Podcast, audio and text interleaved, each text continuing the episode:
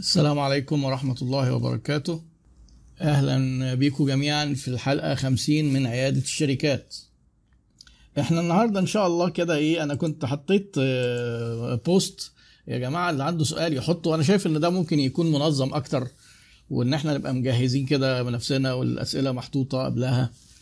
لكن يعني هنحاول كده ناخد شوية أسئلة برضو من الناس اللي موجودين على ال live لكن في أسئلة ناس كتير بعتوها وفي أسئلة كويسة جميلة ممكن نجاوب عليها من الأسئلة اللي اتبعتت. آه، مش هنحط موضوع النهاردة بس في بعض أسئلة يعني ممكن هتفتح كلام في مواضيع. مثلا كان في سؤال جميل عن باريتو قاعدة 80 20 rule الأخ علي عبد المجيد سأل عن قاعدة باريتو آه، اللي هي بيسموها آه، 80 20 rule 80 20 وفي ساعات بيقولوها 20 80 دي موضوع برضو يعني ظريف حتة صغيرة كده المفروض نبقى عارفينها. طبعا المدام منورة وهي اللي اشترت ال- الورد البنك إحنا طبعا إيه لو تخلوا بالكم إحنا تعبنا جدا في اللايف الأسبوع ده عاملين تطويرات رهيبة. في آه، بتاع اهي اللي هي فوق صبعي دي وفي بتاع تانية اهي آه يعني ده مجهود جامد جدا عشان آه، هي المدام كانت معترضة إن المكتبة كده وهي لسه برضه مش عاجباها يعني إن المكتبة كده طالعة من غير حاجة لمسات جمالية ف فهي عملت شوية لمسات وفي حاجات تانية إحنا جبناها بس يعني ملح... يعني ما لحقناش نحطها. فطبعا الورد ال pink بتاعي جميل ومنور طبعا ما نقدرش نقول حاجة. هو ده أهم حاجة في ال live النهارده. أهم حاجة في ال live اللمسات بتاعت اللمسات الجمالية اللي أضافتها الحكومة على المكتبه ما نقدرش ننكر طبعا. طيب باريتو ده مين؟ باريتو ده راجل خواجة كده إيطالي. اكتشف إن في إيطاليا 20% من الإيطاليين بس بيمتلكوا 80% من الأراضي. يعني إيه؟ شوية ناس قليلين بيمتلكوا أراضي كتير. وبعدين لما حب إيه بص كده على شوية حاجات تانية. لقى ان دايما في حاجات قليلة بتؤدي إلى أشياء كبيرة. يعني بالذات في الحاجة اللي فيها cause and effect هو امتلاك الأرض خلاه يدور آه، في مواضيع تانية. فإحنا في ال business مثلا عندنا إيه؟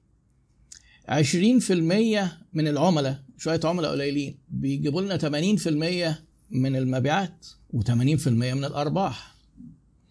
هتبص تلاقي عندك في الشركة 20% من المنتجات بتاعتك هي اللي بتبيع 80% من مبيعات الشركة لأن مش كل الحاجات بتستوي.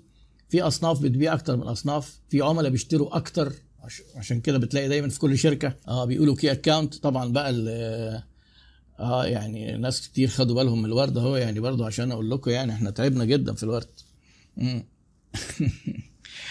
ففي آه، لما تيجي حتى تبص على الكواليتي لو عندك مشاكل وعندك مثلا شكاوي بتيجي لخدمة العملاء في الشركة أو مشاكل في التصنيع هتبص تلاقي لو عندك مثلا هنفترض يعني آه، 100 آه، 100 مشكلة هتلاقي ال 100 مشكلة دول مش إيه مش جايين من نفس من أسباب بنفس النسب. يعني مثلا لو أنت عندك زي 10 أسباب 10 أسباب بتؤدي للشكاوي. هتلاقي سببين بس هم اللي عاملين 80% من المشاكل. اللي هو السببين دول هم 20% من الأسباب بتؤدي إلى 80% من المشاكل. والثمان أسباب التانيين بيعملوا 20% من المشاكل.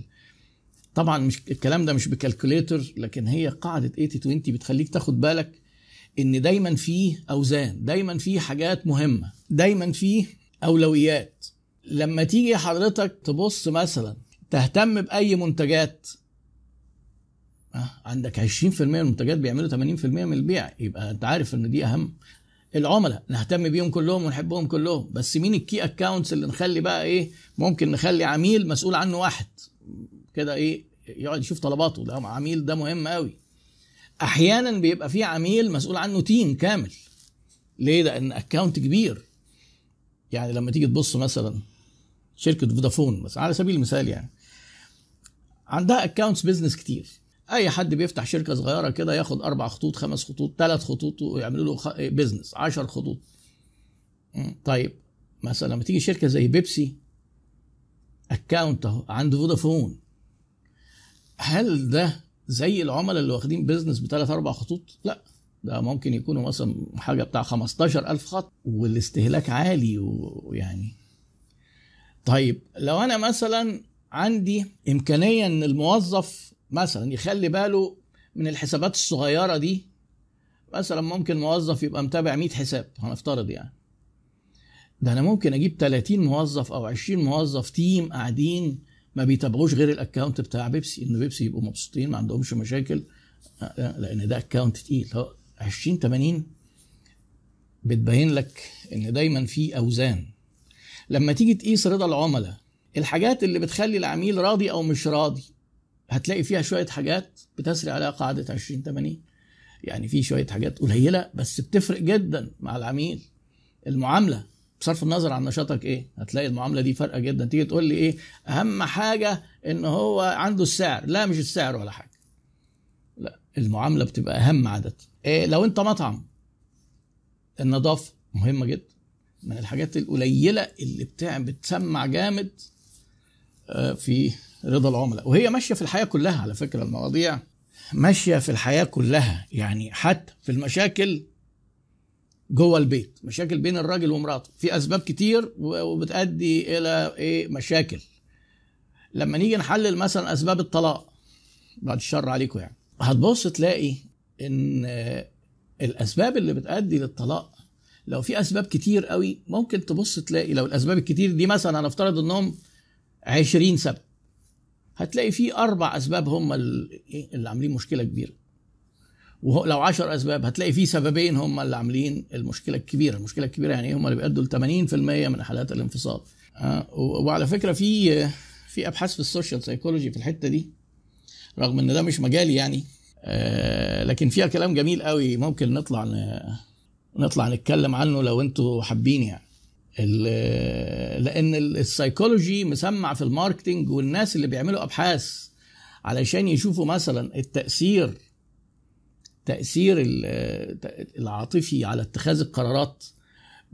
هم نفسهم هتلاقي في منهم علماء في واحد بالذات اسمه جوتمان لو عايزين تدخلوا تتفرجوا على اللي عامله هو عامل الكلام ده في العلاقات بتاعه الزواج وعامله في حاجات تانية في الحياة اللي هي إن في حاجات أهم من حاجات.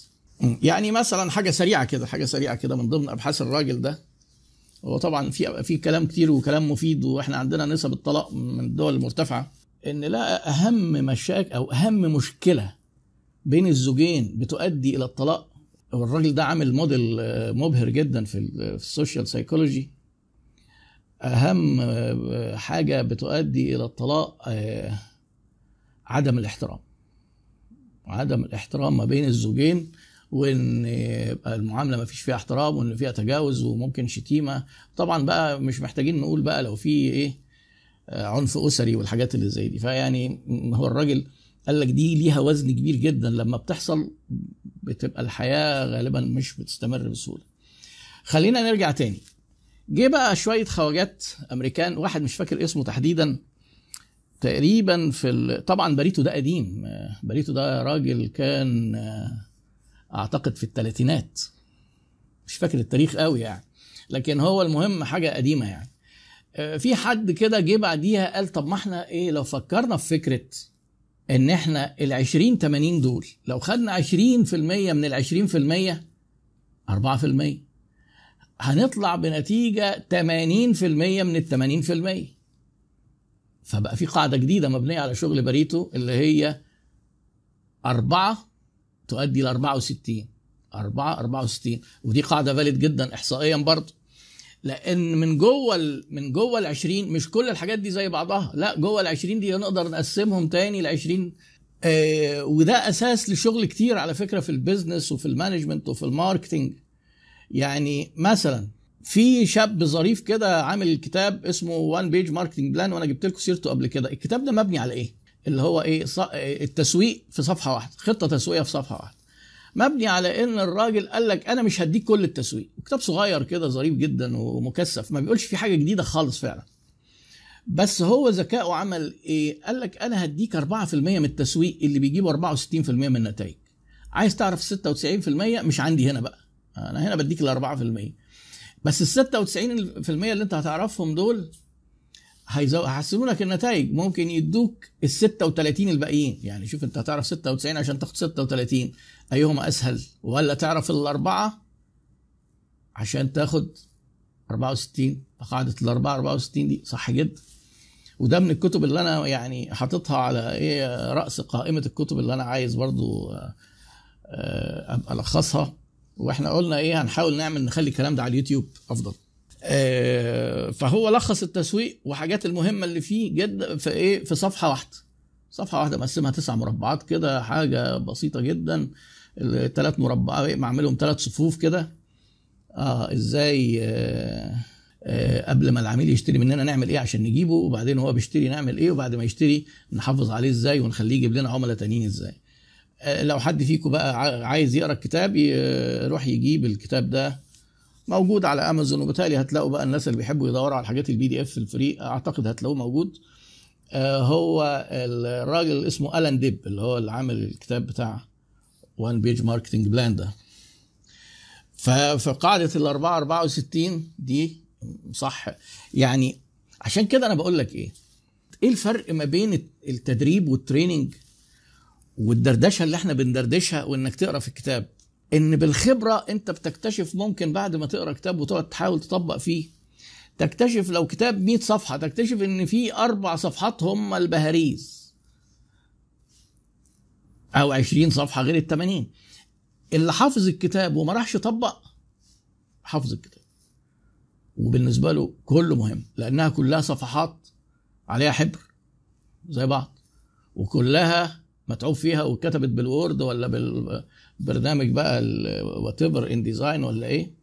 وكلها اتعمل لها editing وكلها اتراجعت نص نص وكلها اتحطت في الكتاب. فأنت عندك 800 صفحة. كتاب زي كوتلر مثلا. هو 800 صفحة فعلا. بس لما تيجي أنت تبص لكتاب كوتلر ال 800 صفحة هل في أي كورس تسويق بيشرح 800 لا. في حاجات مهمة. أنا أنصحك تقرأ كله طبعا عشان تاخد صورة عن العلم والفكرة. عن العلم ككل. بس هتلاقي فيه حاجات مهمة جدا جدا وحاجات مهمة وحاجات يعني لو ما عرفتهاش مش هتفرق كتير.